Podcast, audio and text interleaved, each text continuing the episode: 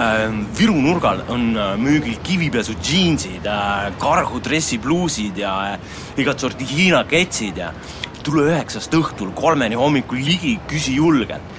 maksta võib finnides, temmides, dollarites ja inglise naeltes, mitte vene rublades ela Eesti elusid. Eesti Rahva Muuseum avatakse esimesel oktoobril. Kuku raadios välja öeldud seisukohad ei pea ühtima Kuku raadio seisukohtadega. Te kuulate Kuku raadiot. naised ei jäta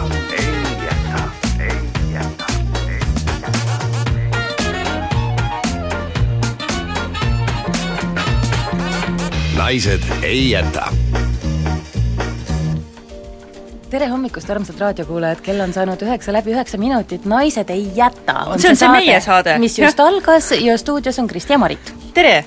me oleme lihtsalt pisut elevil, tuleb välja, et on veel naisi, kes midagi ei tee aga meie saade jah, on see Naised ei jäta ja meie oleme Kristi ja Marit ja täna on kahekümne neljas september, laupäev. ja meil on sügise esimene saade kusjuures. ja on, ja täna saab Eesti endale võib-olla presidendi, igavesti pidulik päev on. mina hommikul hakkasin juba torti tegema igaks juhuks. no ei, torti tuleb nagunii teha. sest et tort on hea. ja, ja, ja siis on olemas, kui peaks vaja minema. jah, ja kui ei lähe vaja, siis sööme niisama ära, jah, et ei läinud tarvis, sellepärast sõimegi ära nii et täna on igal juhul põnev päev ja põnev saade tuleb ka, sest meie pärast eelmist saadet saime sellest trenni sõnausest nii palju inspiratsiooni, see oli see saade, kus me mõtlesime välismaa treeningstiilidele oma eestikeelsed nimed, väga ilusad said.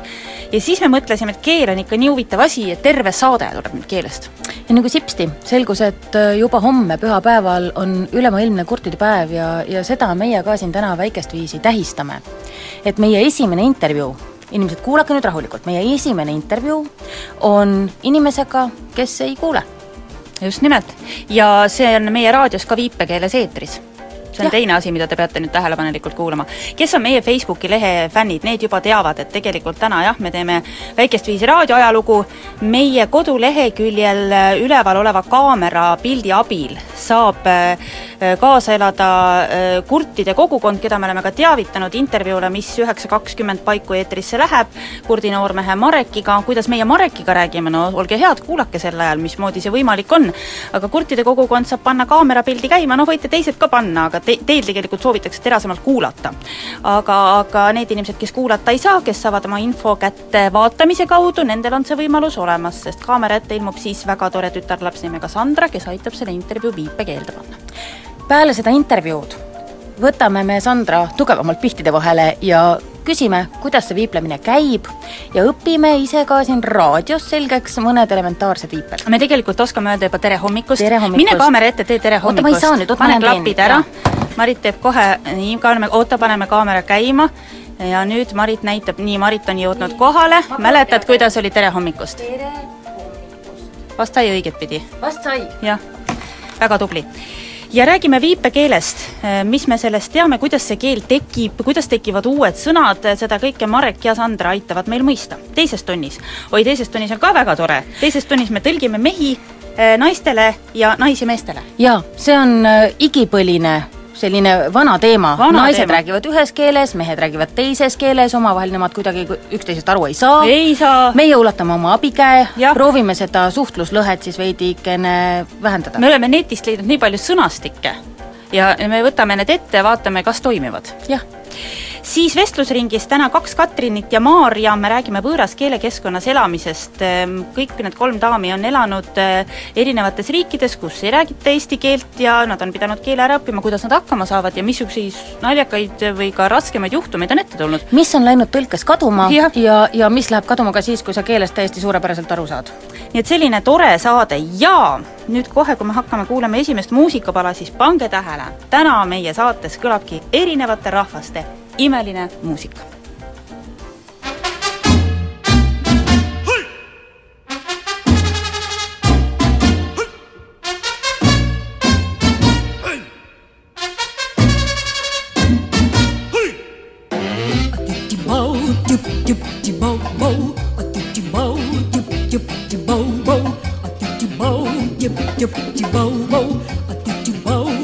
Yip,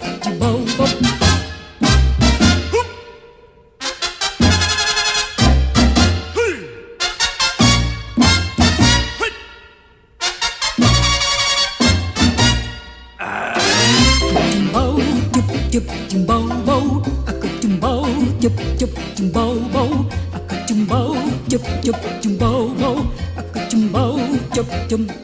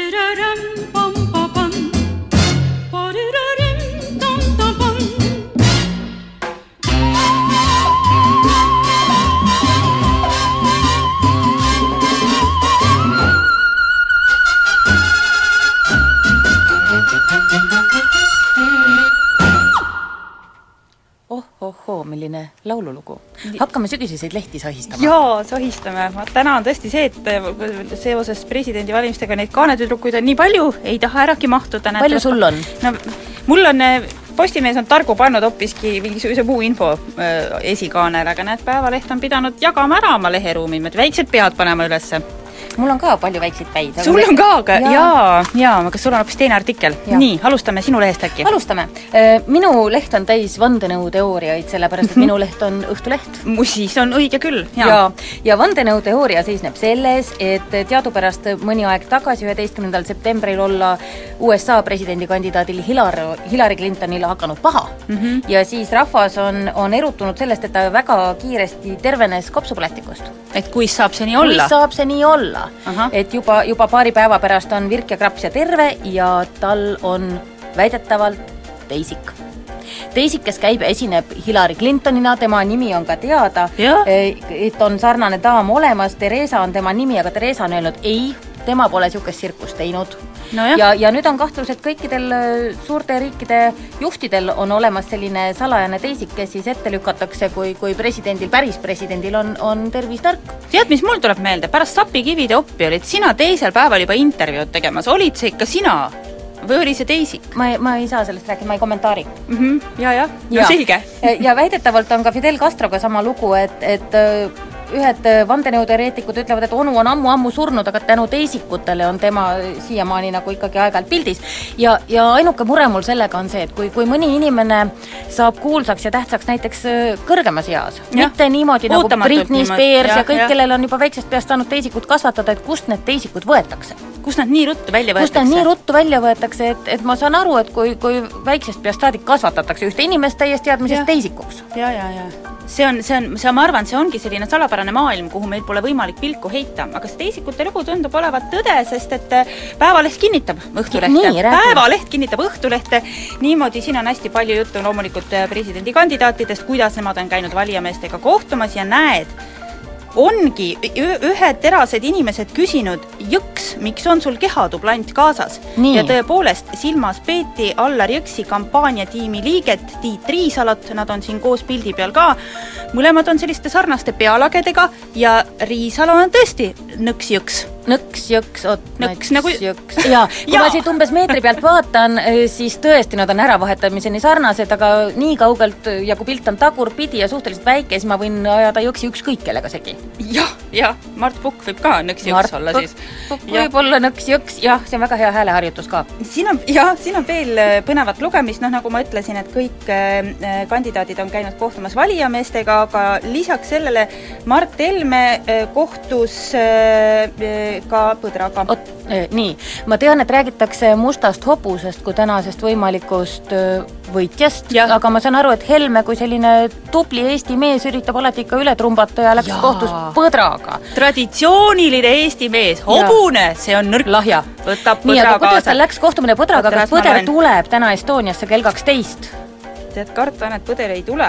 Nii? sest et äh, kohtumine leidis aset pilkases pimeduses kella kümne paiku luigelt Saku poole sõites ja jaa. ja põder tahtis kohtuda ise suhteliselt niimoodi ootamatult, nagu ma aru saan. aga samas, kui sa oled ikkagi avaliku elu tegelane ja oled presidendikandidaat, siis sa pead olema valmis No, no, selleks, et, et no, inimesed jah. ja metsarahvas soovib sinuga kohtuda no jaa, ja eks no ega iseenesest põdral endal läkski natuke halvasti, ma loen siin, et ta lendas vastassuunavööndisse ja lõpp on kurb, Helmel endal on ka väga kahju. ta ütleb vot, et autost ei ole kahju, aga põdrast on küll kahju, see on kurb lugu. kurb lugu, noh. selles mõttes on see valimiste periood ikkagi metsik.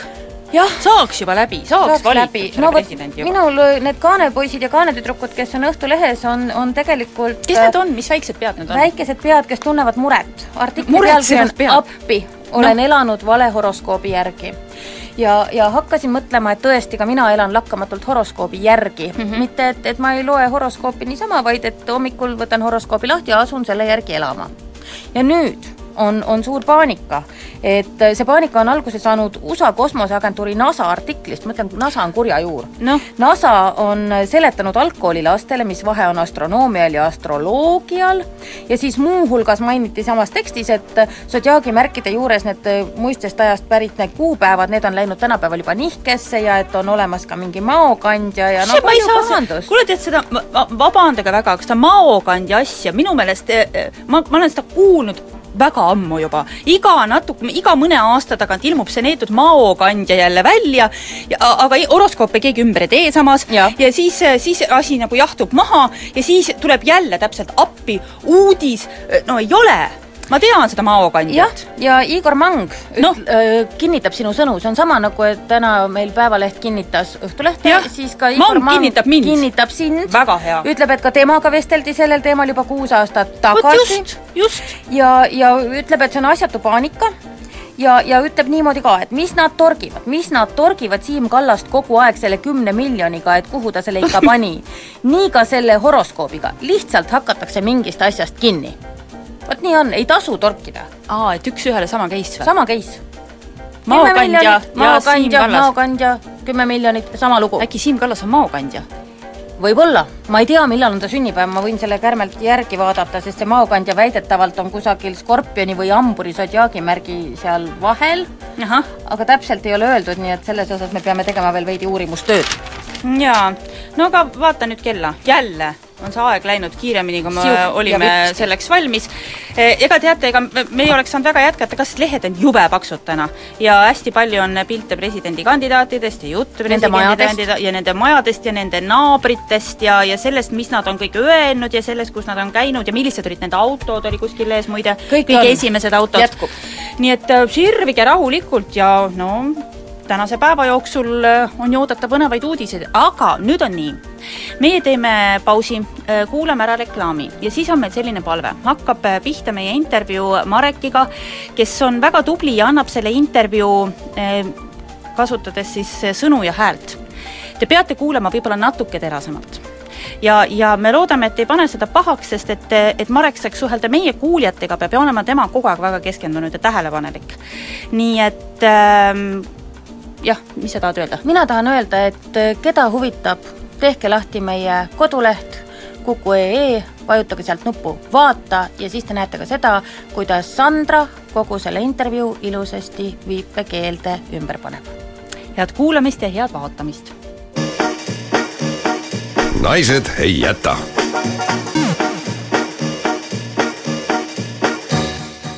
sel pühapäeval tähistatakse üleilmselt kurtide päeva.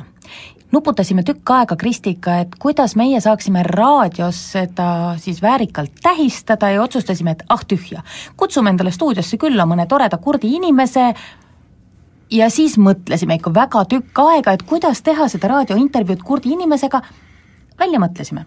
kutsusime endale külla Mareki, kes on täitsa kurt poiss, kurtide vanemate laps ja tal on esimene intervjuu. tere hommikust, Marek!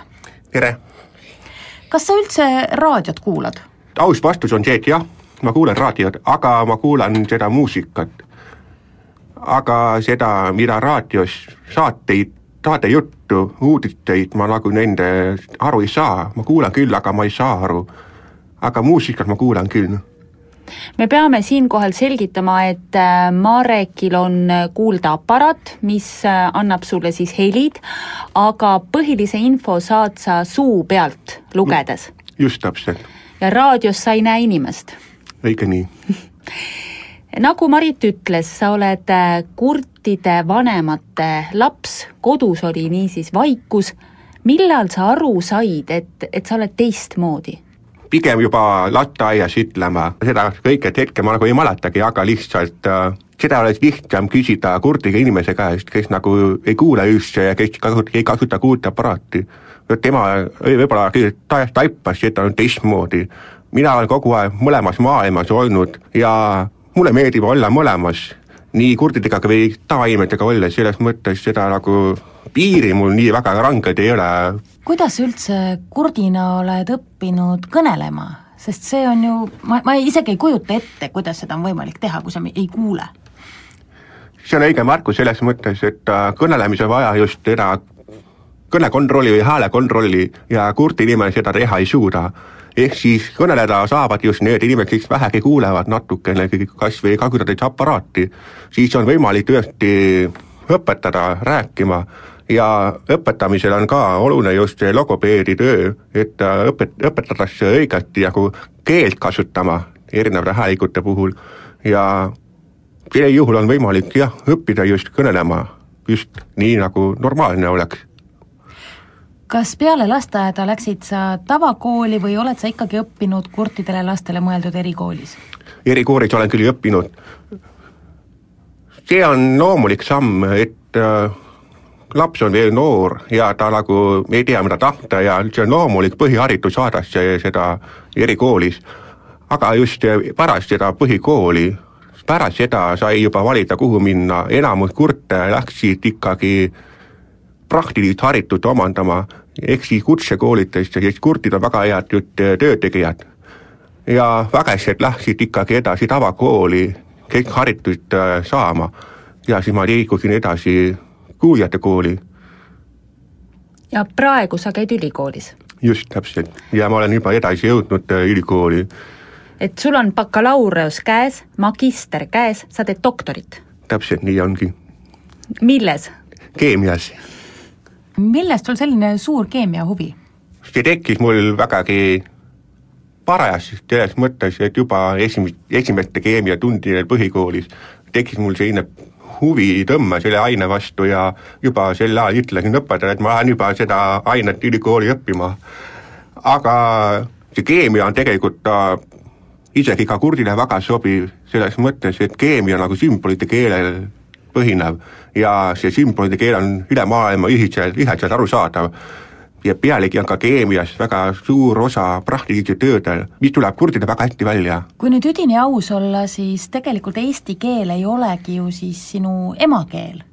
ei ole tõesti, ütleme, kui emakeel on just see keel, mida valida kodus, siis minu emakeel on tegelikult ikkagi eesti viipekeel ja eesti keel on siis selle järel nagu teine kas kurdid saavad rääkida ka võõrkeeli, need, kes oskavad natuke rääkida, kas sa ise äh, räägid? saab ikka, muidugi äh, see ei olegi niivõrd väga seotud äh, nii kuulmisega, aga ikkagi on raskusi nende võõrkeeltes, kus on hääldus teine kui see kirjapilt, aga on ikkagi võimalik. mis keelt sina räägid veel? mul tuleb paremini välja saksa keel kui inglise keel, kui aus olla, aga mulle meeldib saksa keel muidugi ja siis soome keel natuke ka, aga ikkagi keelte õppimine on ikkagi võimalik, just ma usun, et väga paljud äh, raadiokuulajad ei tea isegi seda, et erinevates keeltes on ka erinev viipekeel. tõesti, jah. ma just ütlesin ka, et äh, minu kodu emakeel on just eesti viipekeel just sellepärast, et tõesti on igal riigil oma viipekeel ja näiteks e Soome viipekeel ja vene viipekeel on ka erinevad eesti viipekeelt, selles ongi jah, tõesti. räägime elust ähm, kurtide kogukonnas, ega kurdid väga kuuljatega vist ei, omavahel ei suhtle? nii on tõesti, et äh, kurdide kogukond on nii väga kokkuhoidev ja tõesti, näiteks isegi abiellumised on kogukonnasisesed. et väga vähesed nagu abielluvad nagu väljaspool kuuljate inimestega ja see on tõesti tee on ikkagi võib-olla tingitud sellest suhtlemis- suhtlemisbarjäärist, et mõnikord tõesti kurdid ja kuulajad ei mõista teineteist. kas sul on raske suhelda kuuljate inimestega, sa pead ikkagi vaatama suu peale, noh keskenduma? jah, nii tõesti on e näiteks telefonikõnesid ma nagu teha ei saa, sest jällegi ei saa, ei näe huuli, et mille pealt lugeda. samuti on inimesed niivõrd erinevad, kuidas nad nagu räägivad ja ah. mõni räägib kiiresti, mõni räägib aeglasemalt, mõni räägib nagu midagi aktsendiga või mõni räägib, et või millal on nagu suu ümber mingi vunš ja neid on raske kuulda ja lugeda. on sul äh, sellepärast ka mingeid naljakaid lugusid juhtunud? tihtipeale on äh, need juhtumid sellised äh, teineteisest mitte arusaamised, et üks tahab midagi öelda konkreetset, aga teine sai ütleme, aru hoopis teisest asjast räägi see lugu ka ära, kuidas sa lifti kinni jäid. jaa, see juhtus nii, et äh, tahtsin korterimajas väiuda ja ma li-, liikusin ühesada korruselt allapoole ja lift jäi miskipärast kinni kuskil vahepeal. tegin nii palju lärmi kui võimalik, sest lootsin, et keegi koridoridelt kuulis ja läks mõnikümmend minut ja keegi kuulis ja sain selle järgi aru, et keegi rääkis aga ma ei saanud aru, mida täpselt. Ja seepeale ma kohe ikkagi lõikasin need numbrid, mis kabiinis üleval kirjas oli. mõni aeg oli möödas ja siis sain aru kuidagimoodi, et abi tulemas ja mingi läheb mingi kümme minutit.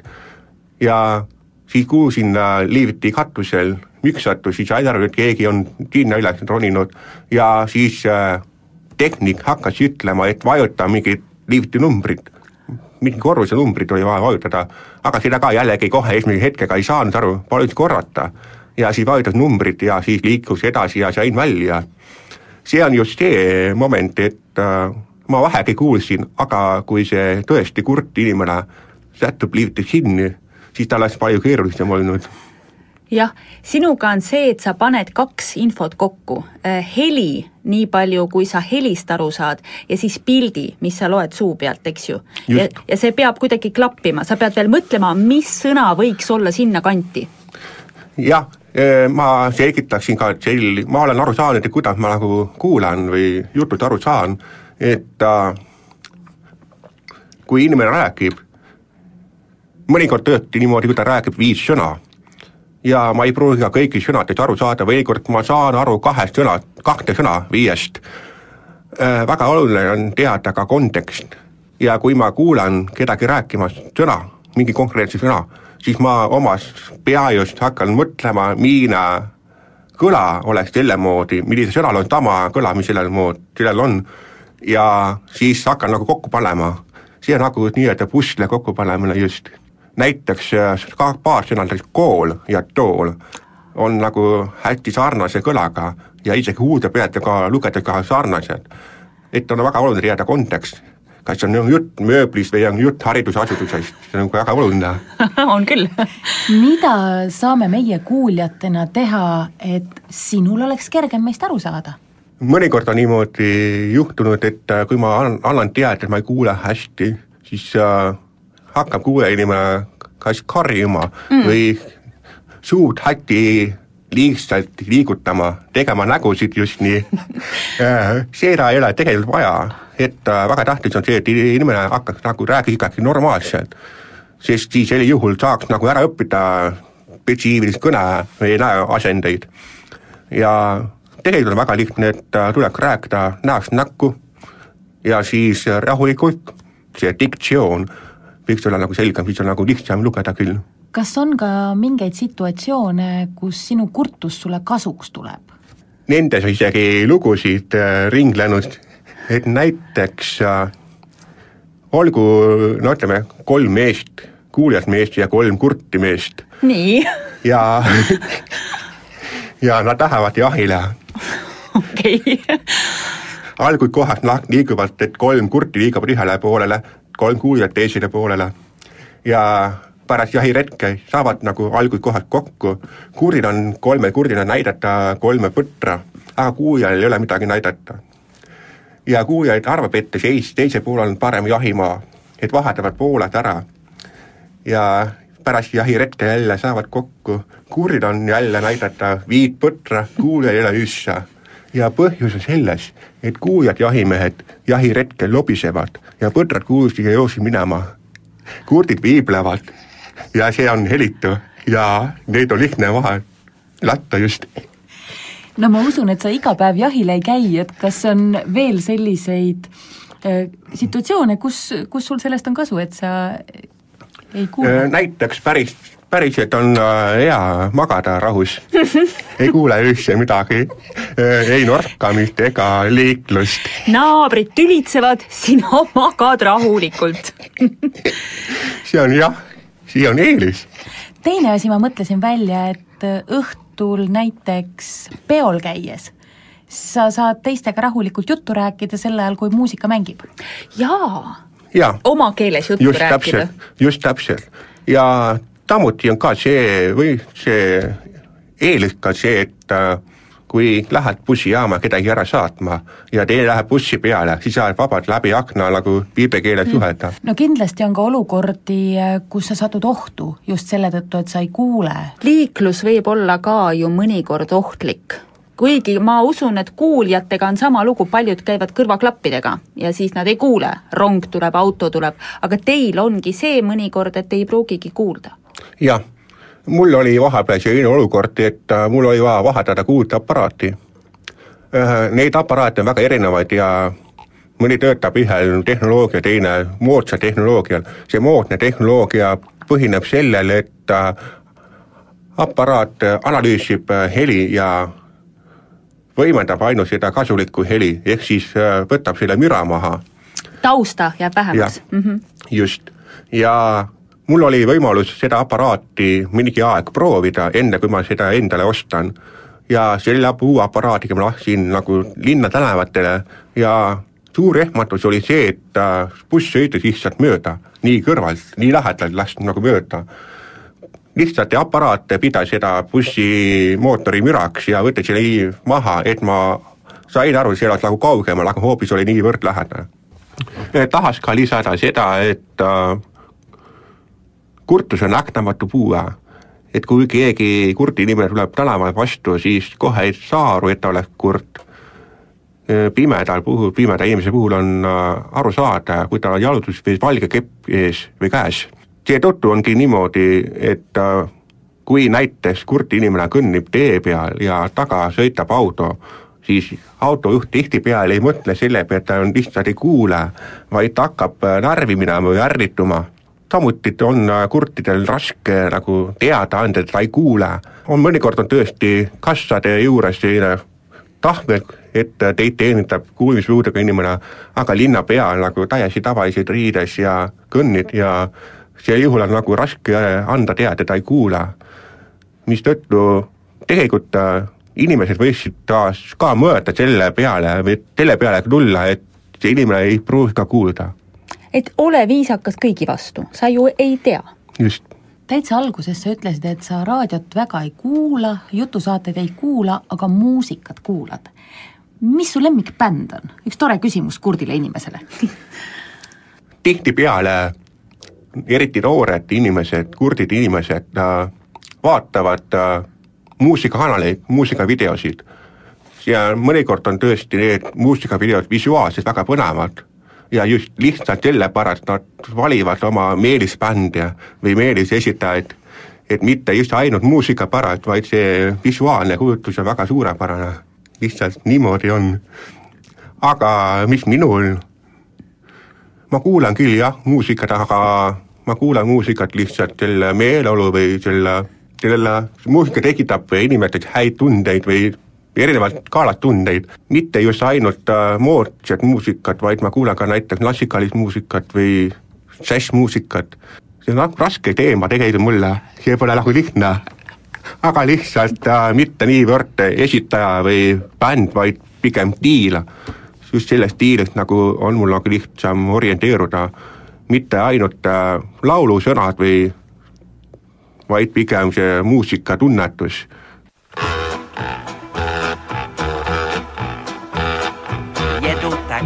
tábořit, škodou sto na Oravu, spěchám, proto riskuji, projíždím přes Moravu, řádí tam to strašidlo, vystupuje z bážin, žere hlavně pražáky, jmenuje se Jožin. Jožin z bážin, močálem se blíží, Jožin z bážin, k vesnici se blíží, Jožin z už si zuby brousí, Jožin z kouše sa jerdousí, na Jožina z bážin, koho by to napadlo, platí jen a pouze práškovací letadlo.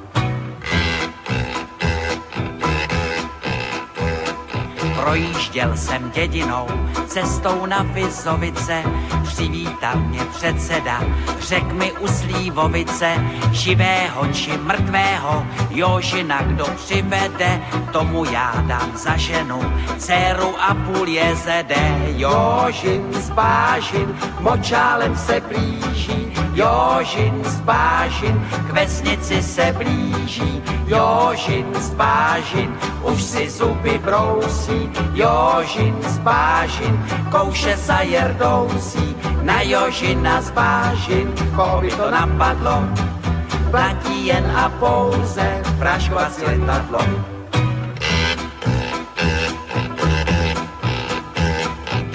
Říkám, dej mi předsedo, létadlo a prášek, Jožina ti přivedu, nevidím v tom háček, předseda mi vyhověl, ráno jsem se vznesl, na Jožina z letadla, prášek pěkně klesl, Jožin z bážin, už je celý bílý, Jožin z bážin, z močálu ven bílý, Jožin z dostal se na kámen, Jožin z tady je s ním ámen, Jožina jsem dohnal, už ho držím johoho, dobré každé love, prodám já ho do zoo.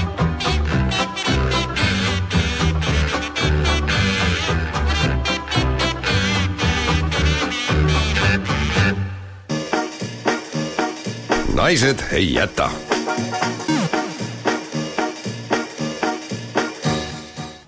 kell on üheksa nelikümmend seitse ja rõõm on tõdeda, et tegimegi ära. esimene viipekeelne intervjuu oli Kuku raadio eetris. lahe, mulle kohutavalt meeldib, aga et me saaksime selliseid asju edaspidi teha, mõtlesime me välja, et me Kristiga tegelikult peaks ära õppima ka mõned asjalikumad viiped peale seda, peale selle, kui, kuidas öelda tere, tere hommikust, jah, ma oskan veel paari. ma oskan öelda oma perekonnanime, kool. ahaa, aga nüüd õige. nüüd on vist Sandra Randmed natukene taastunud sellest eh, pikast viiplemisest, meil on ka Marek, kellega just eh, kõlas intervjuu siinsamas laua taga, tahaksimegi teiega rääkida veidikene viiplemisest ja viipekeelest. kõigepealt äh, Sandra Praats oli meie tänane tõlk, miks sa viipekeelt oskad? Mm, eks ma oskan seda sellepärast, et ma olen seda õppinud, aga mulle tundub, et ma pidin kuidagi jõudma selle viipekeeleni, mul on elus nii palju nagu lihtsalt see tee peale jäänud ette, et kui ma olin väike, siis mul olid kurdid naabrid, poisid, ja siis, kui ma läksin keskkooli, ma tahtsin kindlasti linna tulla. Ja just siis avati Heleni koolis võimalus ka kuuljatel seal õppida. ja kui ma olin Heleni kooli ära lõpetanud, siis just aasta enne seda avatud Tartu Ülikoolis selline eriala nagu viipekeele, eesti viipekeele tõlk, nii et ju ma pidin jõudma selleni kuidagi Marek, kuidas Sandra hakkama sai? väga suurepäraselt, kogu info oli väga hästi esitatud ja kõik oli väga hea, kõik oli väga hea. Kui me Sandraga seda tõlkimise asja kokku leppisime, rääkisime ka sellest, et Sandra võiks meile õpetada mõned öö, esmased sellised viiped, mida inimene peaks teadma ja Sandra ütles meile ei, see ei ole viisakas. viipekeelt eelkõige peaks õpetama inimene, kelle emakeel on eesti viipekeel. nii et Marek, sina oled täna meil õpetaja rollis, milliseid viipeid oleks nüüd hea teada? ja Sandra, sina ütle, kui ta õpetab meile midagi kohatut. otsustab nalja teha, meie õpime ära kõik viipe ja pärast läheb pahasti. aga võiks teada tõesti selliseid elementaarseid viipeid, tere oli juba ära näidatud ja tere, tere. näeb tere välja näeb välja nagu, natuke nagu jah, nagu sügaks ennast siit äh, Kaenla ühelt alt. poolt kaenlaaluse lähedalt nagu sügaks veidi ja et ei- üks-kaks, mitu korda seda peab tegema? tere, kah kolm, tere, kaks-kolm, niimoodi üks, kaks, kolm, tere, nii, just, ja aitäh, aitäh, Anett, paned niimoodi. käe rinnale ja eemaldad käe, paned käe niimoodi Käe rinnale, rinnale. peopesa vastu rinda ja siis tõmbad selle eemale. Aitäh. aitäh, aitäh väga ilus. ja head aega on niimoodi, nagu, nagu onu lasteaed- Raivo lehvitas vanasti Onu- selles jaa. saates ja taega lapsed kõverdas sõrmi niiviisi vastu, vastu peopesa, lehvitas niimoodi tšah-tšah. kuidas üldse viibeldakse selliseid asju nagu näiteks äh, nimed? ma olen vaadanud äh, vahel Aktuaalse Kaamera viipekeelseid saateid ja vahel ma näen, et, et see viipekeele tõlk nagu vehib ühe käega ja teinekord, kui on mingist nimest juttu, siis on mingi kujund tehakse, et mi-, millest see tuleb? kõigepealt äh, tavaliselt niimoodi, kui on äh, esialgne tutvustus, siis lihtsalt sõrmendatakse nimeni läbi, mina. sõrmendamine on see, kui tehakse ükshaaval käega tähti. just, jah. aga tihtipeale on kurdidel inimestel omad viipemärgid, ehk siis ei pea kogu aeg nime läbi sõrmendama, see on lihtsalt ajakulu mm. -hmm. aga lihtsalt jah, on omad viipemärgid ja see, need viipemärgid pannakse või saadakse just see nagu mingi tunnuse või mingi iseloomuomaduse järgi aga kes need välja mõtleb? kas on mingi selline äh, kurtide kogu äh, selline nagu rahvakogu, kes tuleb kokku ja hääletab, et vot nüüd me hakkame ütlema president Ilvese kohta vot nii? nii ei ole, aga tihtipeale pakutakse välja just need teised inimesed, kes nagu märkavad mingi omadusi, mille järgi võiks äh, anda talle märk. aga mõnikord lihtsalt inimene ise võib välja pakkuda, niimoodi ongi. ja siis läheb käibele, nagu rahvaluule? kuid aga õpeta meile paar, täna on presidendi äh, valimised, äkki sa õpetad meile, kuidas siis viibelda näiteks äh, meie no, praegust presidenti? Toomas Hendrik Ilves. Toomas Hendri Ilves on kogu aeg kikilips sees mm Mhm. -hmm. ja niimoodi viibemärk on kikilips. Teed sõrmedega Ilves. lõua all kiki, kikilipsu märgi nagu mm. -hmm. ja see ongi Toomas Hendrik Ilves? terve Toomas Hendrik Ilves on üks kikilips. üks kikilips, imeline. väga lihtne. aga, aga kuidas ülejäänud äh, tänaseid presidendikandidaate võiks viibelda? praegu on teada juba Kaiu rannal Nii. ja tal on äh, Kaiu rand, ta kannab kogu aeg prossa nii, ja niimoodi võtad näe nagu paned sõrmed võtad nagu midagi nähtamatut pihku?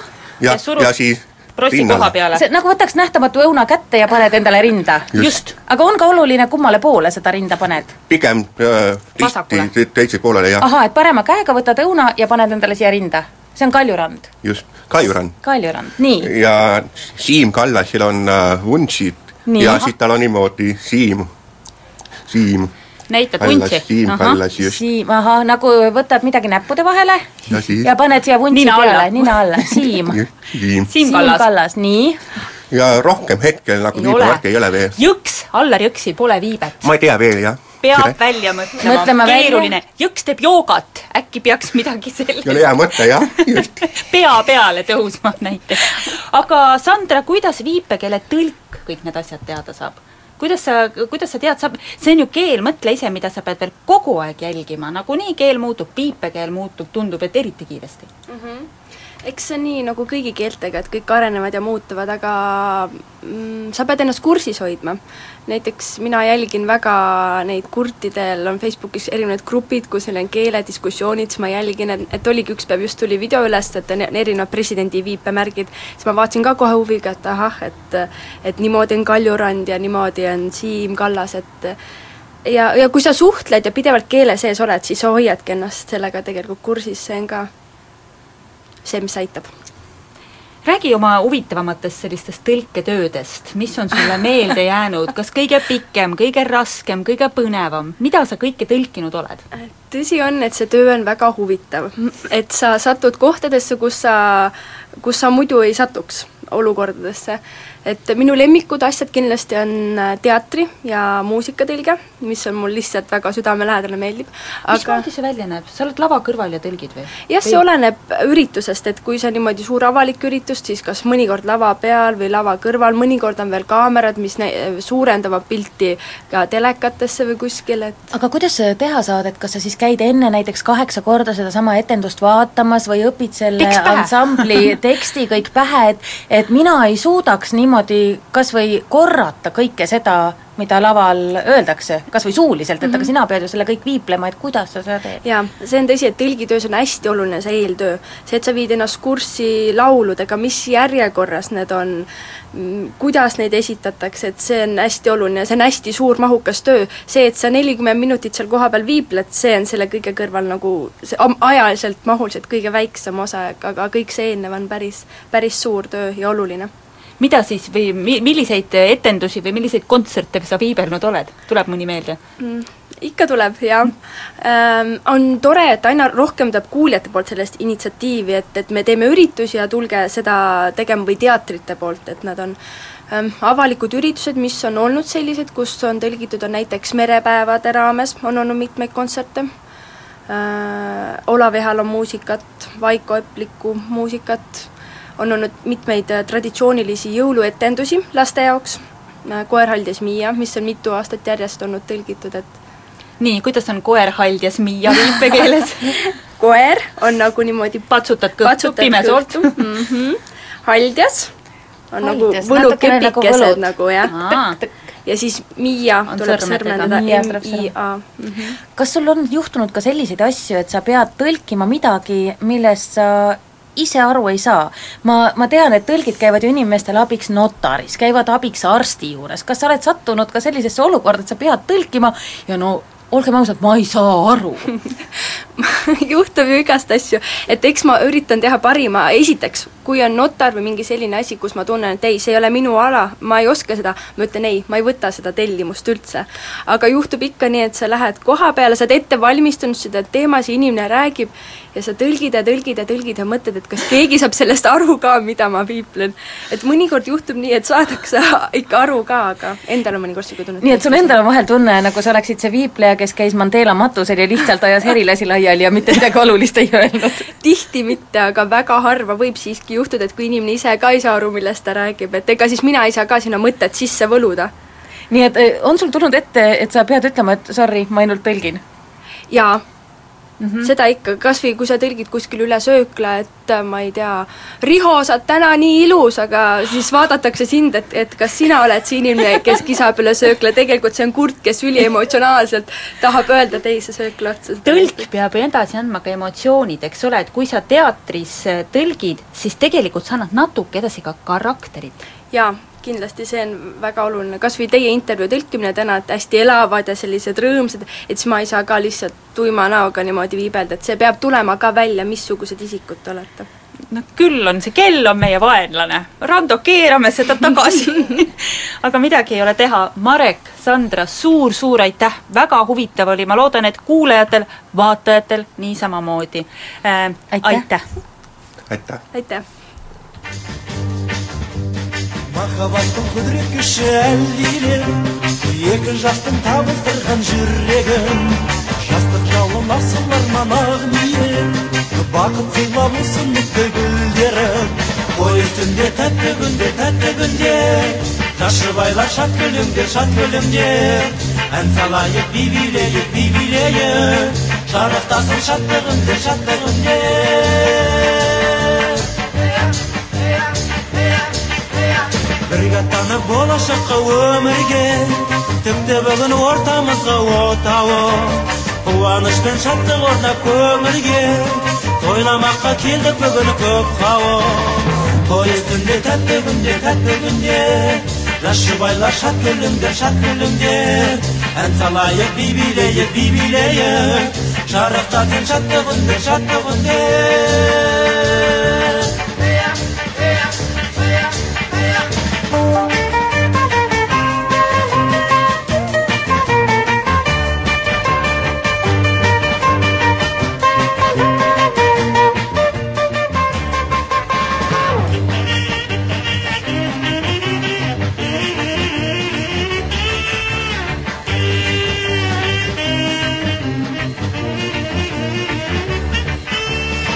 шаңырақ болсын бақыт бесігі. Жас жұбайлар құтты болсын тойларың. Кең ашылсын болашақтың есігі. Орындалсын арман тілек ойларың.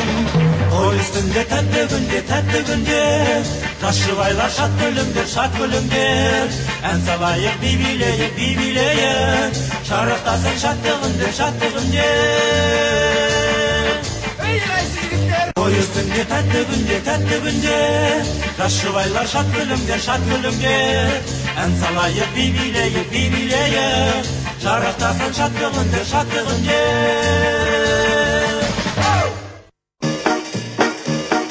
naised ei jäta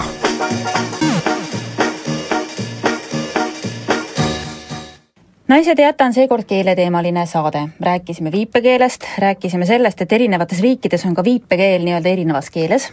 selles tunnis meil vestlusringi tulemas inimesed, kes elanud võõras keelekeskkonnas ja nad räägivad, kuidas seal hakkama saadi, aga aga terve internet on täis erinevaid vestmikke, sest väidetavalt räägivad ka mehed ja naised täiesti erinevas keeles. ja on olemas sellised targad ja toredad inimesed, kes on äh, kõik need äh, keeled ära tõlkinud ja on olemas äh, meestele sõnastikud, kuidas aru saada naistest, mida naine tegelikult mõtleb, kui ta neid asju ütleb. ja on sõnastik ka selleks, kuidas aru saada mehest, et kui mees midagi ütleb, kuidas naine sellest siis peaks oma napiaruga aru saama? just nimelt, me koondasime mõned need sõnastikud neti vahenduselt kokku, leidsime neid, mida naine ütleb loomulikult palju rohkem, aga õnneks on olemas ka üks meeste sõnastik. Ja õnneks on meil olemas stuudios mees, kes tuleb meile appi, tere Tavi! tere, ajakirjanduslik keskmine siis ikkagi. just, ajakirjanduslik keskmine. nüüd vaatame järele, kas me oleme kõik eh, seni meestest ja naistest siin õigesti aru saanud, kui me võtame appi sõnastiku. just, ja kas me oleme, kas me oleme oma elud õigesti elanud? jah, kas me oleme oma kaaslasi kunagi õigesti mõistnud? võib-olla tuleb välja, et ei ole. me alustame sellistest lihtsamatest ülesannetest, võtame ette naiste sõnastiku ja mis me siit näeme? Tavi, mis sa arvad, mida see võiks tähendada, kui naine ütleb sulle jah? et see tähendabki jah, ta on minuga täiesti nõus. nõrk, ei see nii ole. kui naine ütleb jah, siis tähendab see ei. see tähendab väidetavalt ei, sest et mina oma elus tean päris mitmeid kordi, kui ma olen öelnud jah ja seda ka mõelnud. jah, näiteks. ja siis hiljem mõtlesid ümber? Ei mõelnud ümber, näiteks ükskord läksin mehele, ütlesin jah. jah, jah, mitte see, et ma ütlen ümber, aga mees jäi uskuma või? no siiamaani usub jah. jah, no näed no näed.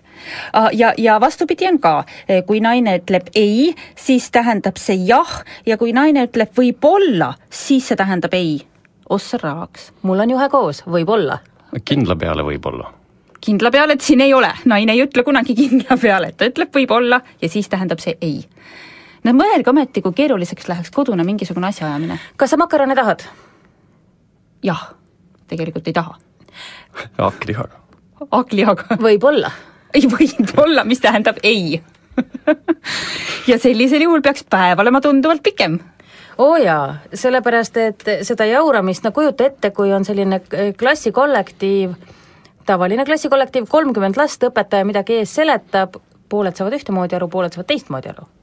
Peab siis meeles pidama, et jah on ei ja ei on jah ja võib-olla on äh, ei.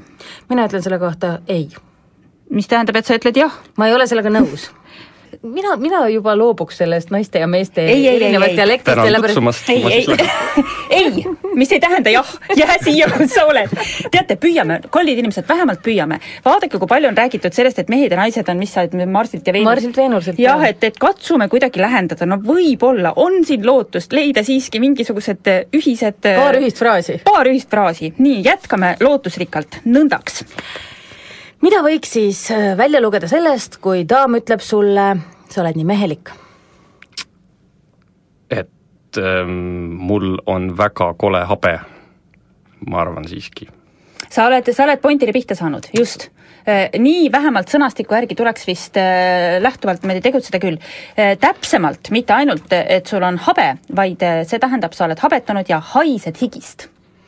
vot seda habeme osa ma võin nagu isiklikust kogemusest öelda, et et see, muidu ma ei teaks. Muidu ma oleks kohe täitsa hädas praegu siin. jaa, mulle on öeldud liiga mehelik, aga see oli naljaga. sa oled kole ja et sind lahti ei lasta. aa, niimoodi on öeldud, olgu, aga äkki sa oleks pidanud ikkagi habeme igaks juhuks ära ajama? no nüüd, nüüd ma siis tean. nüüd sa siis tead ja pluss sa pead duši all käima siis. aga tegelikult, kui, kui mõni daam ütleb, et sa oled nii atleetlik ja mehelik? no vot, siis ma nüüd ei tea. Lähed pesema jah, siis tuleb kohe pesema minna, igaks juhuks, nii kui naine ütleb, noh, küll sa näed hea välja, kui sa oled mees, hüppa igaks juhuks duši alt läbi.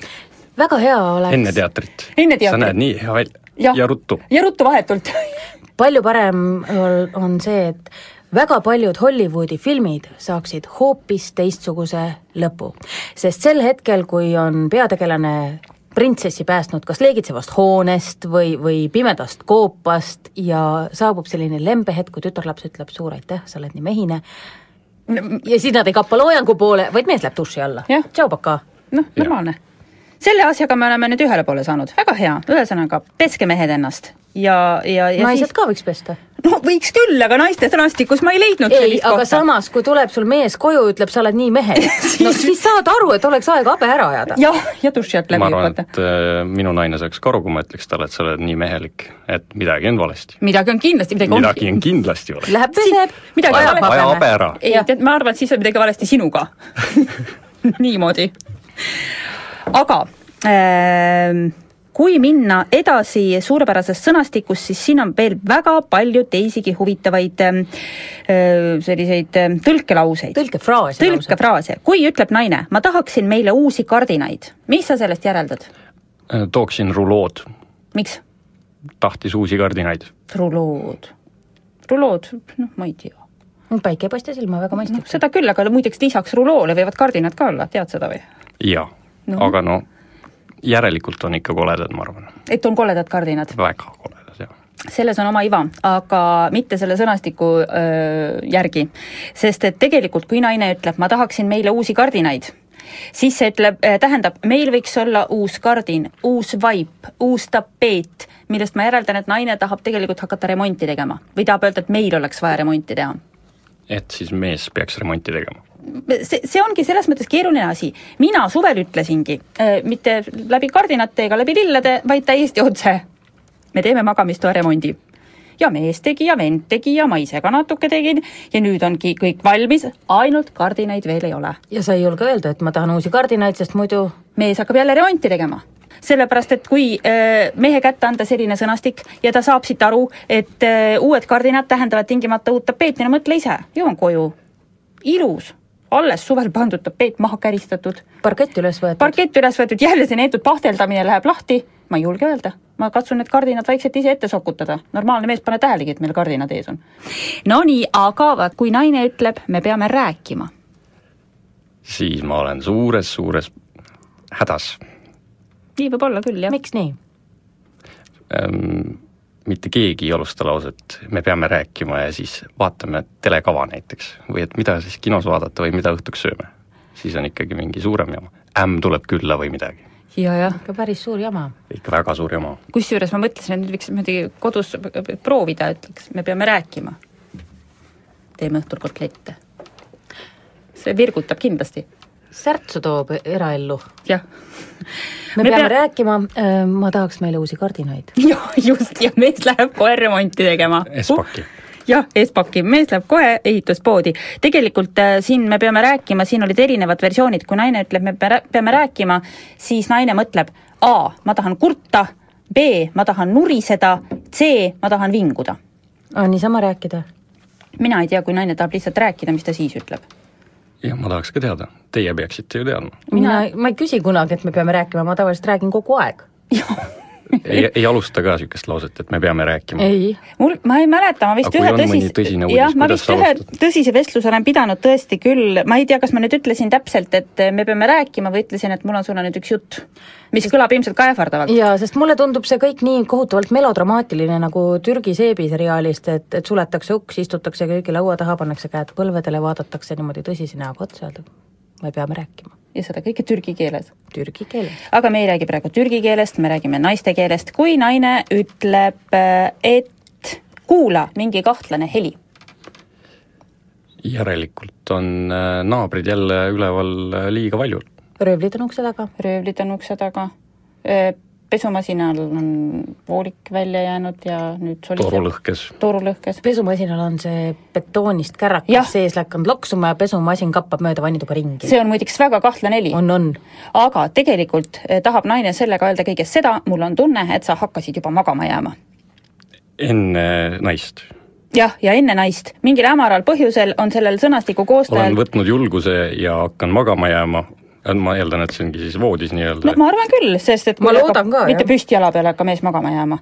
aga, aga miskipärast arvatakse, et äh, naine tahab veel enne und kindlasti millestki vestelda. kui jällegi keset päeva mees jääb jala pealt magama, kukub põrandale, käib mm -hmm. ilge pauk ja naine hüüab teisest toast, kuule, mingi kahtlane heli. jah siis võib see isegi täppi minna. siis võib küll, mulle tundub, et sa hakkasid juba magama jääma. mulle tundub, et sa juba jäidki magama. kuule, aga siin me leidsime isegi mingisuguse loogika, selle üle mul on väga hea meel, mulle meeldib, kui äh, asjad lahenevad loogiliselt et äh, olla võrdne, siis tegelikult on ju olemas ka vastupidine sõnastik, see on meile, Marit, ja Tavi saab öelda, et kas asi klapib ja kas mehed tegelikult niimoodi mõtlevadki. Äh, kui ütleb mees, näiteks helistab mees sulle koju, Marit, ja Nii. ütleb, kuule, ma istun siin liiklusummikus kinni. et mida mina sellest tõlgendan või?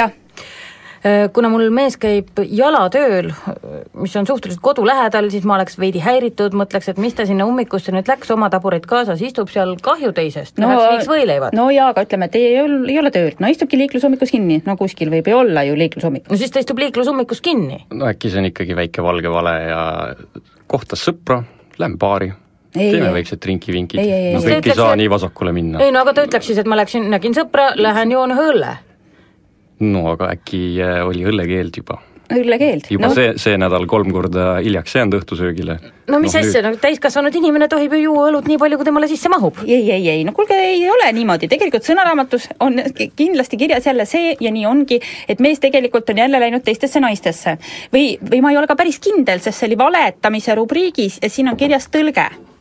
Kuule, ma istun siin liiklusummikus kinni, tähendab he-hee tegelikult istun ma hoopis mujal kinni, mees on vangis. mul on kahju temast. mees on vangi kukkunud ta helistab, vaata lastakse teha üks kõne ju alati. viimane kõne. viimane kõne, siis ta helistab koju naisele, aga tahab teda ütleb, et on liiklusummikus või? jah, ei taha teda hirmutada. tegelikult on ta väga heasüdamlik mees, sest ta ei taha, et naine jah, läheks äksi täis, muretseb. siis ta hakkab ja... alles paari tunni pärast muretsema. jah natukene lükkab seda jama Meel, edasi. meelerahu on ikkagi meelerahu on, on, on tervise ja ilu pant, arvan mina, ja, ja siis, kui ta kolme aasta pärast vangist välja saab, siis ütleb naisele, et oli, oli suuremat sorti ummik.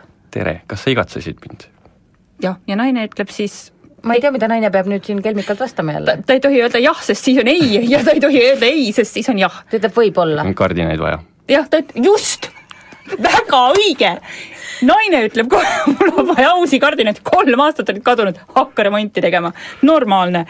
kui äh, mees ütleb, ma ei taha sind kaotada, siis teate, mis see tähendab? kui tihti sa, Tavi, seda ütled? ei ütle. ja väga hea, et sa ei ütle, muide, see on hea, et sa ei ütle sellepärast, ma avaldan et... armastust Eesti moodi. Eesti moodi? otse. ütled, et sul ei ole väga vigagi? ja, ja, ja, just, täitsa okei. ei saa kurta patt oleks kurt-, just jaa, jaa. jah, vaata kui tore, Eesti meeste sõnaraamat.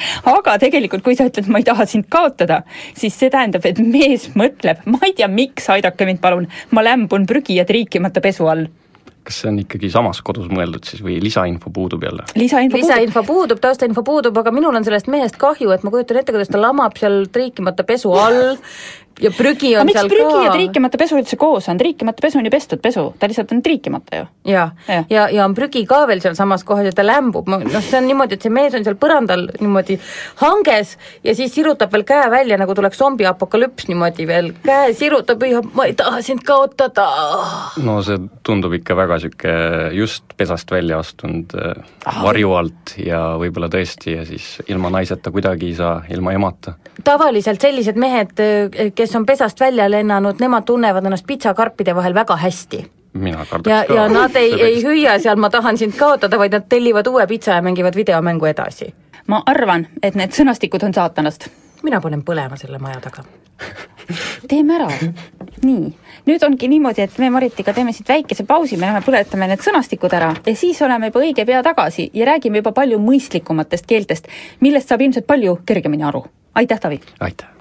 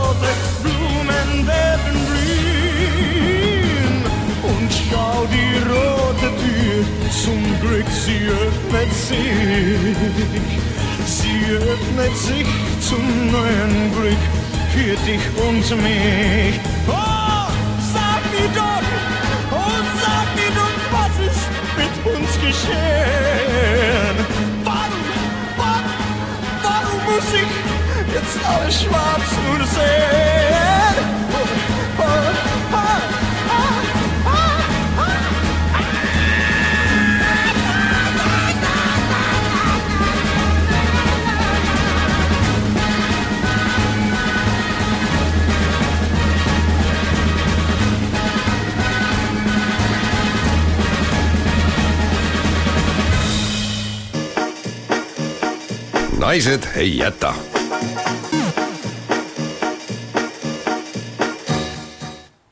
kell on saanud kümme läbi kakskümmend kaheksa minutit ja on paras hetk teha algust meie tänase vestlusringiga.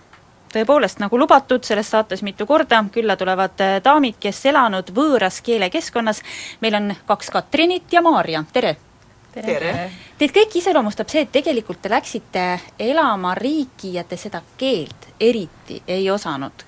Katrin läks äh, elama Belgiasse, kus tegelikult peamine suhtluskeel siiski oli prantsuse keel, Maarja Jaapanisse ja tema jaapani keele pagas oli ahtake ja samamoodi teine Katrin Taani ja ka sa seda keelt eriti ei osanud. aga, aga, aga et noh, milline see, see, see tunne võis olla, sa lähed kohale, tuled lennuki pealt maha jah ja kõik teed räägivad, no lennujaamas veel on welcome, eks ole, võib-olla, aga sealt edasi, mis siis saab, et kas need esimesed päevad ära ei hirmutanud? Katrin?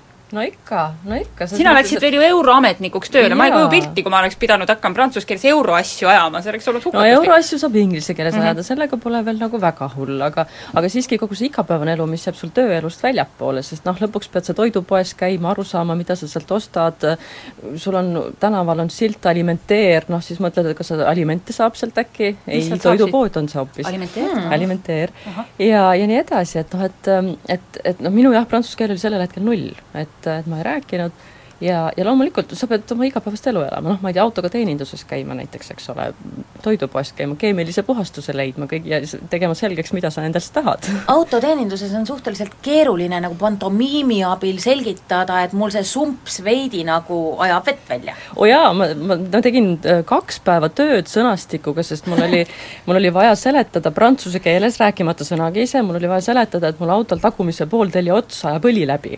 Astraks, see on väljakutse. On suhteliselt väljakutse, ilma et ma aru saaks, mis asi on pooltelg ja selle ots ja see õli, kus see seal vahel on. aga kas sa nüüd oskad seda prantsuse keeles öelda? ei mäleta enam, vot ei mäleta, pole pidanud ammu seletama. Maarja, sina elasid Jaapanis, no mina isiklikult ütlen, et minul on tohutu hirm äh, Jaapani ees no., äh, kuigi ma ei ole seal mitte kunagi käinud. ma olen tekitanud endale tohutu hirmu, sellepärast et seal on need jubedad animategelased, selles on oma iva, jah. kohutavad animategelased, kes tulistavad tuld suust välja Just. ja teine asi on see, et, et lisaks sellele, et ma ei oska seda keelt, ma ei suuda ka kirjapildiliselt nagu mitte millestki aru saada, pluss veel see kultuur on niivõrd hoomamatult teistsugune, et et kui ma astun kusagile sisse, siis ma ei tea, et kas see on pank või müüakse seal porgandeid. kuidas tegelikult on? Äh, no selles mõttes, et eks sa ikka aru saad, kas see on pank või on toidupood, aga, aga enne seda, kui me Jaapanisse läksime, siis äh, paar nädalat me õppisime nii-öelda, et aru saada, et, äh, et Jaapanis on kolm tähestikku. kolm kat,? katakana, hiragana ja siis on kanjid, mis on nii-öelda Hiina, Hiina tähemärgid ja katakana, hira, katakana ja Äh, see teine tähestik on siis niisugused, mida on lihtsam õppida ennem ja siis need on koosnenud silpidest. Ja need me õppisime ennem selgeks tähestikud. Ja siis oli vähemalt huvitav minna, et oh, ma oskan lugeda seda nagu, mõned asjad, et ma lugesin kokku, mis see on, aga ma tihtipeale juba tean, mis see tähendab. et selles mõttes natuke lugeda sai, aga, aga selles mõttes hirmutav see on. Ja esimesed päevad mul oli ikka noh, ma olin ikka päris endast väljas, et kuidas me nüüd siin hakkama saame, aga, aga selles mõttes, et ajapikku selliseid ei hakanud neid märke enam tähele panema. see nagu, noh, me olime oma linnas, ma hakkasin, teadsin, kus miski on, et selles mõttes ma harjusin ära sellega. ja nii-öelda tundsin ennast juba peaaegu päris hästi. et olgugi, et sa nendest tähemärkidest aru ei saa ja inimeste keelest midagi aru ei saa ja inglise keelt sulle ei räägita, siis oli see peaaegu okei okay ikkagi aga mingi aja pärast hakkasid midagi püüdma juba või? noh, et, et ühel hetkel peab ju tekkima see, no lõppkokkuvõttes praegu on seis selline, et mõlemad Katrinid räägivad, üks prantsuse, üks taani keelt täitsa saab hakkama, aga jaapani keel, no see on natuke raskem ikkagi.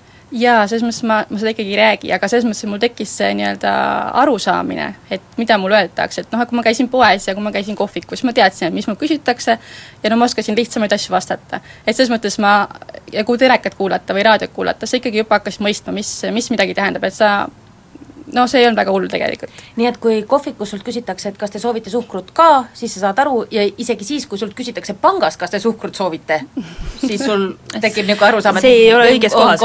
jah, ei no tegelikult on ka asi niimoodi, et Jaapanis on veel nii-öelda kolm keeletasandit, on nii-öelda hästi viisakas keel oh., siis on nii-öelda niisugune keskmine keel ja siis on niisugune sõprade omavaheline keel. et minu abikaasa üks hea näide on see, kes oli poolteist aastat juba õppinud jaapani keelt ja siis me läksime lõpetama oma mobiililepingut siis tema läks, et lepe, lõpeta lepingut, siis ta ei saanud mitte midagi aru, mis talle räägiti seal. et sest tema, tema poole pöörduti kui väga viisakas keeles, aga noh, tema õppis nii-öelda nii-öelda keskmist ehk siis või tas-, keskmist taseme keelt nagu. et nii-öelda, mis sa räägid omavahel võib-olla sõpradega või nii-öelda kolleegidega et siis selles mõttes oligi, siis tal oli täielik hämming, et ma olen poolteist aastat õppinud ja ma ei saa lep-, lepingut lõpetada, kuna mul vastatakse nii viisakas keeles. mina olen aru saanud, vaata meil on teismelistel on oma keel yeah., mitte muhvigi ei saa aru, mis yeah. nad räägivad, aga omavahel nad saavad jälle aru. et see on natuke nagu Jaapanis nii. räägime Taanist ka natukene. jaa, no Taaniga ütleme, mõnes mõttes on ju midagi sarnast, nagu siin Brüsseli näitelgi võib-olla, et ja mina läksin esimest korda Taani, ma olin üheksateistaastane ja, ja läksin õppima pedagoogikat ja kõik oli väga põnev ja ma olin kuu, kuu aega käinud Eestis kõige esimesel taani keele kursusel üldse. ja, ja ma oskasin öelda, et mu nimi on Katrin ja et jagame Estland, noh, jaa, okei okay.. ja siis istud loengus, loeng on kaks tundi ja saad aru neli sõna ja mõtled, jess, ma sain täna midagi aru isegi. aga mida nad ülejäänud selles filosoofia loengus rääkisid, on täiesti must maa ja sa lähedki õhtul koju ja ja tookord isegi ei olnud veel Eesti-Taani sõnastikku olemas, vaid sa lõid siis, eks ju, lahti taani inglise ja inglise eesti ja siis mõtled, et no mida nad seal rääkisid, kõik kasutasid seda sõna. ja sa, sa jõuad koju ja siis saad aru, et see on tegelikult üks parasiitsõna, millega sul pole mitte midagi peale hakata. aga, aga samas ikkagi see, et sa kuuled seda keelekõna kogu aeg, see teeb oma töö, et, et kaks kuud hiljem ma hakkasin rääkima, sest sul ei olnud midagi muud üle minu kogemus taani keelega on see, et sa kuuled küll, aga ma ei teaks elu sees, kuidas see võiks olla kirjutatud, sest et mulle tundub, et taani keel on niisugune lödistav mm. ja, ja ma isegi ei kuule välja, mis häälikud selles sõnas on, et kuida-, kuidas seda siis sõnastikust järgi vaatasid? ja ega see ongi keeruline, sest mõnes mõttes ongi selline tunne, et need on kaks eri keelt. et nagu ütleme ka inglise keelega, ega sa ei kirjuta ju samamoodi, kui sa hääldad. aga taani keeles on hästi palju neid just nimelt selliseid pehmeid hääldusi, pluss et siis äh, noh, ega sa vahest ei leiagi seda sõna üles. ja sa peadki mõtlema välja, kuidas see võiks olla võib-olla mm. -hmm. aga noh, ajapikku harjud ära ja, ja ütleme, et õnneks on neil ka mitmeid sõnu, mis kui sa lähed poodi ja vaatad, et on kirjutatud peale mööbel, sa saad aru, et see mööbel mis siis, et öö on teistsugune ja, ja oligi üks, mööbel või? ja oligi mööbel. ära ütle, see on küll meeldiv üllatus. mõned üksikud või et eks ju, apteek on apoteeka, noh, on selliseid sarnaseid, aga seda on vähe no kui sa juba tõid selle mööbli näite, et mööbel on mööbel, siis kui palju on teil ette tulnud võõrsil elades seda, et teie saate ühtemoodi aru, tegelikult on nagu hoopis teistmoodi hmm.? Noh, seda päris, ütleme sellist head näidet mul kohe hetkel enda nagu poolsest valesti arusaamisest ette ei tule, aga küll on mul nagu üks üks täitsa naljakas näide, jälle seotud autoteenindusega, ma ei tea, miks. Sealt saab ikka nalja. Kuidas nagu teine pool sai minust valesti aru, et noh, et lihtsalt, et tegelikult see ei ole nagu ainult keel, vaid on ka kogu see kultuurikeskkond ja kogu ühiskond, noh, tegelikult toimib ikkagi natuke teistmoodi, kui meie siin Eestis oleme harjunud ja noh, lihtsalt väga lihtne mingi väike asi, mis seal oli vaja mul teha autoga, auto oli mul hõbedane, see on hõbedane auto, see on oluline fakt selle loo juures. selge.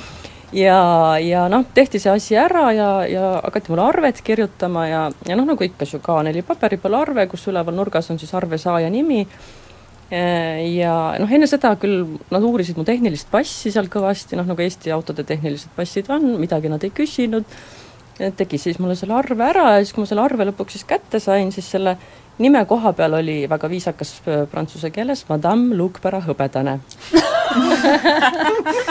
Ehk siis äh, kuna Eestis ei ole tehnilises passis inimese nime või sel ajal see oli ka liisingauto, ilmselt mul oli Hansa liising või midagi sellist oli seal kirjas, siis nad said aru, et see ei ole päris nimi, aga ainult selline kahesõnaline äh, nimelaadne sõna, siis oli seal see Luukpera hõbedane ilus. oled sa kaalunud nimevahetust see andis muidugi mõtteid, jah Maarja, ma kuulsin, et sina olid Jaapanis lapseootel ja pidid käima arsti juures. kuidas sa sellega, vabandage, väga hakkama said? no polnud viga, sain hakkama küll, et aga lihtsalt äh, väga tihti äh, kui äh, arstid väga sinuga inglise keelt ei oska rääkida, jaapanlased väga üldse räägivad halvasti inglise keelt või üldse ei räägi et äh, leidus mõndasid õdesid, kes äh, said inglise keele rääkimisega hakkama, aga neil oli alati abiks niisugused äh, väiksed nagu arvutid, pihuarvutid, kus siis olid jaapani inglise keele sõnastik ja siis kui mina tahtsin midagi öelda, siis mina otsin sellest sõnastikust ingliskeelse sõna ja siis nemad said aru, mis mina mõtlesin, meil käis nagu suhtlus ühe sõna kaupa nagu. arvutimängu mängisite ühesõnaga? no praktiliselt nii, jah jah, aga selles mõttes, et äh, tegelikult nad olid kõik väga vastutulelikud, et kui nemad ise ei osanud, siis otsid kas või teisest osakonnast, haig-, suurest haiglast, teisest otsast nagu inimese, kes oskab inglise keelt. et noh, selles mõttes, et äh, mina ei osanud üldse jaapani keelt ja inglise keelt nemad ei osanud, et selles mõttes äh, olid nad väga vastutulelikud ja abivalmid selles osas. küll aga võis seal olla siis kindlasti selliseid asju, et seal tehti midagi nii teistmoodi, kui sa olid harjunud, eks ole ju, et noh, et see, see rasedusaegne kontroll ilmselt on meil võib-olla ühesugune ja seal võib-olla natuke karmim või? jah, seal olid neid teste tehti oluliselt rohkem alguses äh, mm. kui, kui meil ja, ja seal igal kontrollil tehti sul ultraheli, mis mis Eestis tegelikult äh, tehakse võib-olla esimene kord ja kui sa üldse tahad, siis rohkem ei tehagi. et, äh, et Jaapanis oli see mulle ja tegelikult ma isegi soovisin, et ma ei soovi seda rohkem kui, kui esimene kord, kui ma läksin sinna esimesele ülevaatusele, aga siis lõpus nad ikkagi, enne kui ma tulin tagasi Eestisse last sünnitama, siis nad ikkagi nii-öelda nii-öelda tugevalt soovitasid nagu ka veel ühe ultrail teha, ennem kui nad saadavad mind Eestisse, nad peavad paberit, paberit täitma, et minuga kõik korras. ja siis see ultrail tuli kindlasti teha nagu veel lisaks, et jah, süsteem oli hoopis teistsugune kui Eestis. et ta, sulle antakse aeg, et sa tuled kümme-viisteist on sul aega, aga sa ootad veel kaks tundi, sest et noh, et seal on selle, selle kümme-viieteist ajal on veel umbes viis inimest. aa, ja meie kurdame, et meil on pikad järjekorrad, seal ukse taga peab ootama, no täitsa hea, ei ole mujal parem midagi aga lisaks keelelisele arusaamisele ja tõlkimisele ja arusaamatusele, nagu sa, Katrin, enne ütlesid, on ka väga palju selliseid kultuurilisi arusaamatusi. mina tean omast käest, et kui mina kolisin kunagi aastaid tagasi Soome, tahtsin sõita bussiga ühest kohast teise, vaatasin, mis kell buss tuleb, võtsin oma lapsevankri, seisin bussipeatuses ja buss sõitis mööda kahekümne minuti pärast tuli järgmine buss ja sõitis mööda ja ma hakkasin juba päris nõutuks muutuma lõpuks sain aru, bussi tuleb hääletada. aga minul ei olnud mitte keegi seda mitte kunagi öelnud ja ma ise selle peale ei tulnud. kas teil juhtus ka selliseid asju, et lihtsalt mingi asi, mis on ühes kultuuriruumis, ühes kultuuris nii elementaarne, seda ei osatagi teistele õpetada? ja mul oli üks kord, kus meil oli üks festival äh, seal meie kohalikus linnas ja see oli järjekord, seal oli niisugune tehti pannkooki suurel äh, pliidil siis ja pandi vahukord vahele, siis mina läksin ühtegi inimest, äh, üks inimene vist seisis, mina läksin ka, seisin järjekorda, nagu me ikka seisame, et tavaliselt me läheme järjekorda nagu ühelt poolt. No kui, kui ka, kui nii-öelda pood on või see kassiir on ühel pool, siis ma lähen tavaliselt ju paremalt poolt, on ju, seisma. Ja siis tuli samal ajal tuli veel paar inimest ja nemad nagu läksid teisele poole, siis ma ütlesin, no okei okay,, et las nad seisavad seal vasakul pool, mina olin paremal pool. ja siis, kui see teenindaja hakkas mind teenindama, siis ta vaatas mulle nagu imelikult otsa, et mis ta nüüd tegema peaks, kas mind enne või siis neid, kes nagu vasakul pool seisavad, sest Jaapanis on tegelikult oli õigem olla siis seista vasakul pool ja hakata neid ennem teenindama ja siis ta nagu vaatas vabandavalt niimoodi nendele jaapanlastele otsa, et ma siis teenindan ikkagi mind ennem, kui ma seisin ennem, aga lihtsalt valel pool. et seda mul tuleb praegu meelde, et, et jah, et see pool, kummal pool sa seisad näiteks, et see on nagu tähtis, et no selliseid harjumatuid olukordi tekib, et noh näiteks mille peale ei tule, et Eestis meil on siin rahvastikuregister, meil on kõik e-teenused, me saame interneti ja ID-kaardi vahendusel väga palju asju korda ajada, oma elukoha registreerida näiteks. Belgias on niimoodi, et selline vana Euroopa selline eh, heaoluühiskonna süsteem, ehk et inimese elukoht on tema siis selline kõige tähtsam nagu isikuandmete osa ja see loomulikult ei käi mingisuguse elektroonika ega online ega, ega isikukoodi ega muu sellise kaudu, vaid eh, kui sa sõlmid näiteks üürilepingu oma korterile, siis see üürileping äh, registreeritakse kohalikus omavalitsuses, ehk see lind või, linn või vald või kes, kes sul siis seal on, ja siis, et, äh, et noh, julgeoleku ja, ja ka nii-öelda politsei ja, ja, ja, ja muude korrakaitse eesmärkidel siis äh, politseid käivad üle vaatamas, et kas see inimene elab sellel aadressil, kuhu see üürileping on sõlmitud, ehk et siis käiakse kontrollimas, kas sa oled, elad? aga kui sa seda ei tea, et selles mõttes sa oled nagu värskelt maale saabunud inimene, sul on õnnestunud leida omale sobiv korter, sul on õnnestunud see üürileping sinna sõlmida, sa kolid sisse ja tunned juba paar nädalat ennast juba päris hästi, et sa oled juba sisse seadmas ennast, ja siis ühel hommikul kuskil pool seitse või enne seda, kui sa üldse tavaliselt ärkaksid, on sul ukse, uksekell ja ukse taga on politsei ja no loomulikult sa jõuad mõelda kõik seitse asja läbi, et mis ma siis nüüd teinud olen aga ei, see on rutiinne kontroll, et see politseinik astub sul hommikul vara uksest sisse, kui sa oled just uniselt voodist tõusnud katsub, kas voodi on soe, aga siit sa ikka ja, ja sõna otseses mõttes ta teebki tiiru su korteris selle mõttega, et vaatab, kas sa päriselt ka elad või sa ainult selleks üheks päevaks oled sinna nägu tegema tulnud. et kas su riided, asjad, kas köögis, külmkapis on näiteks toitu, noh et kõik märgid, mis näitavad, et sa ikka päriselt elad sellel aadressil, kus Seda sa oled öelnud. muide Taanis ka aga see ei ole mitte nagu selle elukoha niis-, niisama vaatamise suhtes, vaid et paljud äh, taanlased eh, tegelikult noh, ütleme, et elavad koos, aga naisel on oma korter ja mehel on oma korter. ja nad ei taha kokku kolida, sellepärast et see on ökonoomselt tihtipeale halvem variant ja, ja siis äh, käiaksegi kontrollimas, et kas nad siis tegelikult elavad koos või ei ela koos ja kui nad on seal ühes korteris koos, siis võib sellest pärast igavene jama tulla. ja samamoodi, äh, kuna on palju selliseid äh, paberabielusid, siis käiakse ka kontrollimas, kas sul ikka on hambaharjad seal korteris, kuhu sa ennast siis registreerinud oled. nii et abielueelsed suhted on Taanis täiesti out? iga roju oma kodus? ei, seda nüüd mitte, sest tegelikult Taanis öeldaksegi, et pole ju kunagi nii palju olnud neid üksikuid single inimesi, kui, kui nüüd ütleme, need viimased aastad on olnud, sest paljud jälle enam ei viitsigi. Ja ütlevadki, et milleks siis üldse abielluda, kui pooled abielud nagunii lahutatakse. ma saan täiesti aru, kui kogu aeg kontrollimas käiakse, siis ma istuks ka parem kodus see segaks jah, väga ja, ja. kuna meil on keelesaade, siis võiks me need äh, toredad keelenäited ka tuua. no äh, taani keel, see on ju lausa võluvkeel tegelikult, eks ole, aga, aga on ju räägitud ka seda, et taani keel on väga sarnane, et sa saad Põhjamaade muudes riikides ka hakkama, saad hakkama, kui räägid taani keeles Rootsis, saad hakkama Norras, no saab või? No ikka üht kui teist saab küll mm, -hmm. selles mõttes, et, et on väiksed nüansid loomulikult ja ütleme, et norrakad nagu laulavad, et sa vahest ei saa hästi aru, aga kui sa kirjakett loed, siis saad ikka üsna palju aru. nii et kõigis kolmes keeles saad sa öelda täiesti vabalt näiteks mööbel? no mööbel jah, see on tõesti selline hästi kerge sõna. aga ütle mingi, ütle mingi naljakas Taani, Taani, ma ei tea, kas naljakas, aga no mis kõlab, mis ikkagi... oli sinu jaoks täitsa jabur, noh? Täitsa jabur no., aga noh, ma ütleks ikkagi, et on see traditsionaalne, et nagu Eestis pannakse välismaalasi proovile siis teatud lausega, siis on ka Taanis olemas selline lause, mis on ekstra raske välismaalastele hääldada, et äh, kui ma selle nüüd ära tõlgiks, siis see tähendab äh, punane puder piimaga. ei, mitte piimaga, vaid koorega aga, aga see on selline testlause, et kui sa selle suudad juba ära öelda, siis sind aktsepteeritakse, et sa oskad taani keelt, eks. ja seda öeldakse krõll, me flõõ mis eestlase jaoks alguses on üsnagi raske hääldada niimoodi korralikult välja. me parem ei proovi. no proovida ikka alati võib, aga ei, me hoiame eetri aega kokku jah, just mis sul jäi jaapani keelest meelde?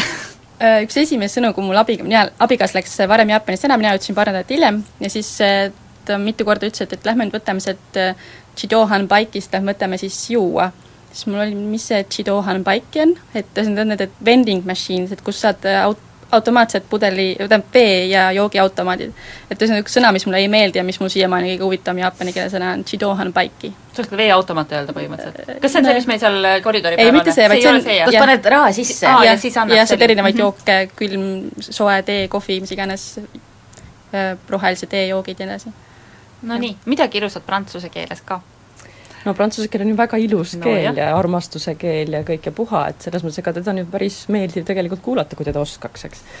aga, aga no mul on nagu üks koht öö, äh, oma siis sellest prantsuse keele õppimisest, meil oli väga võluv prantslannast keeleõpetaja, noh ma hakkasin keelt õppima kohe, kui ma siis sinna Belgiasse läksin, ja, ja noh, olles ka ise tegelikult keeletaustaga inimene, ma ikka lähenesin noh, niiviisi eestlaslikult, pragmaatiliselt, reeglid, asjad, noh, et saaks enam-vähem juba põhialuse kätte ja siis ühe koha peal noh, prantsuse keelt õppides ainult reeglitega sul jookseb ikkagi juhe kokku, et selles mõttes äh, sest noh, kas see õpetaja seletab, noh, reegel on nii ja nii ja nii ja siis hakkad harjutust tegema, kasutad siis seda reeglit, ei, ei, ei, siin ei saa seda kasutada, sest, sest siin öeldakse niimoodi. ja siis selle teise sõna puhul, ei, seda reeglit ei saa kasutada, see öeldakse niimoodi. Ja siis, kui sul lõpuks jookseb juhe kokku, et mis see siis nüüd on ja kuidas ma siis nüüd pean aru saama, et, et mida ma siis kasutan, mida, aa no see,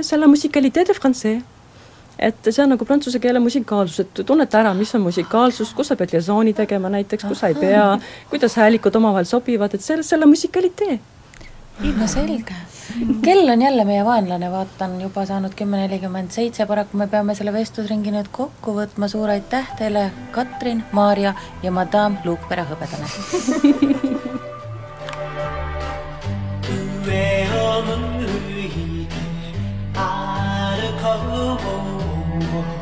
涙がこぼれないように思い出す春の日一人ぼっちの夜。上を向いて歩こうにじんだ星をえて思い出す夏の日。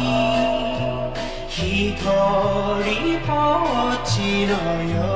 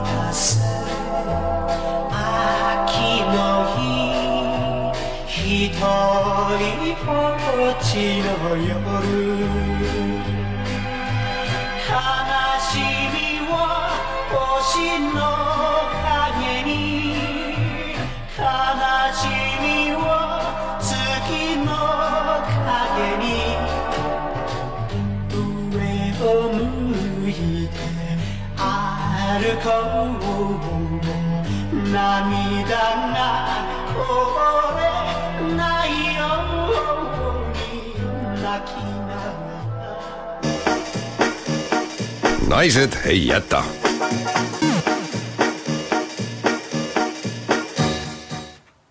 ja on paras aeg hakata rääkima sellest, kuhu veel sellel nädalavahetusel minna. täna, nagu kõik vist juba teavad, on presidendivalimised. jaa, sellega seoses on Kuku kava ka natuke teistsugune, nii et meil läks isegi hästi, Marit.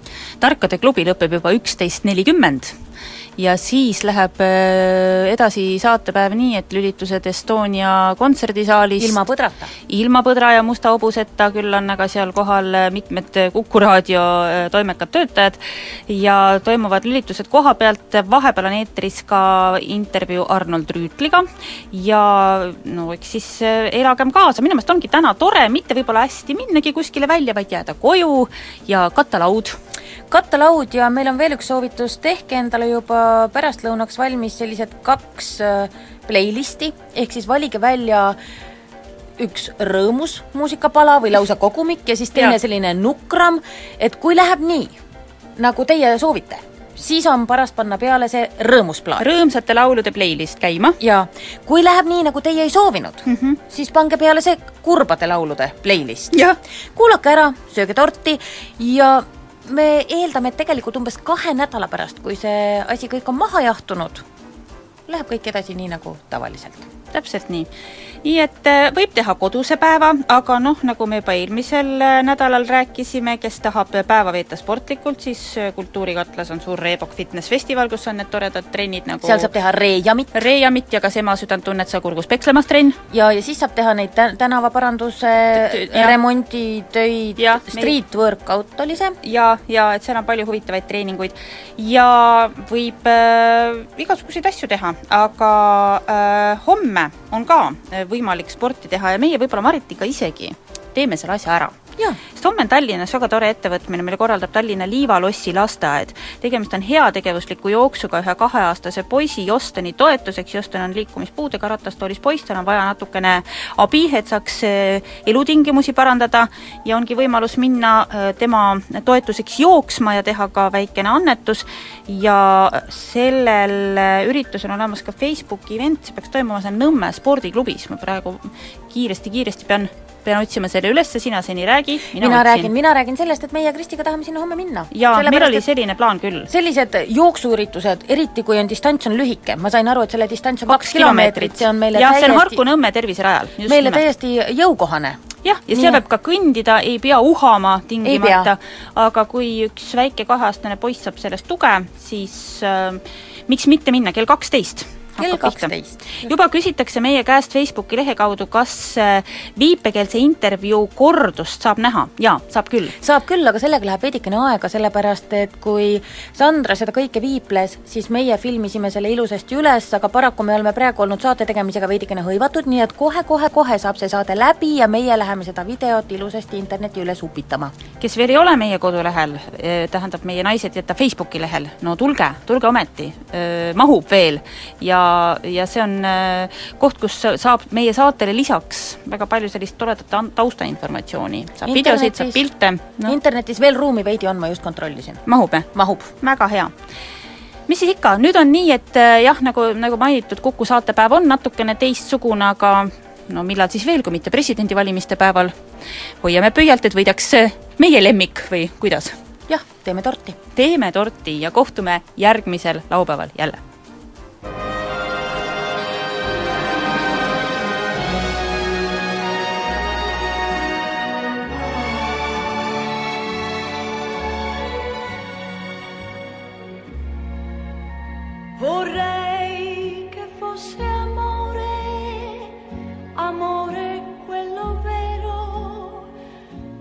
cosa che io sento e che mi fa pensare a te.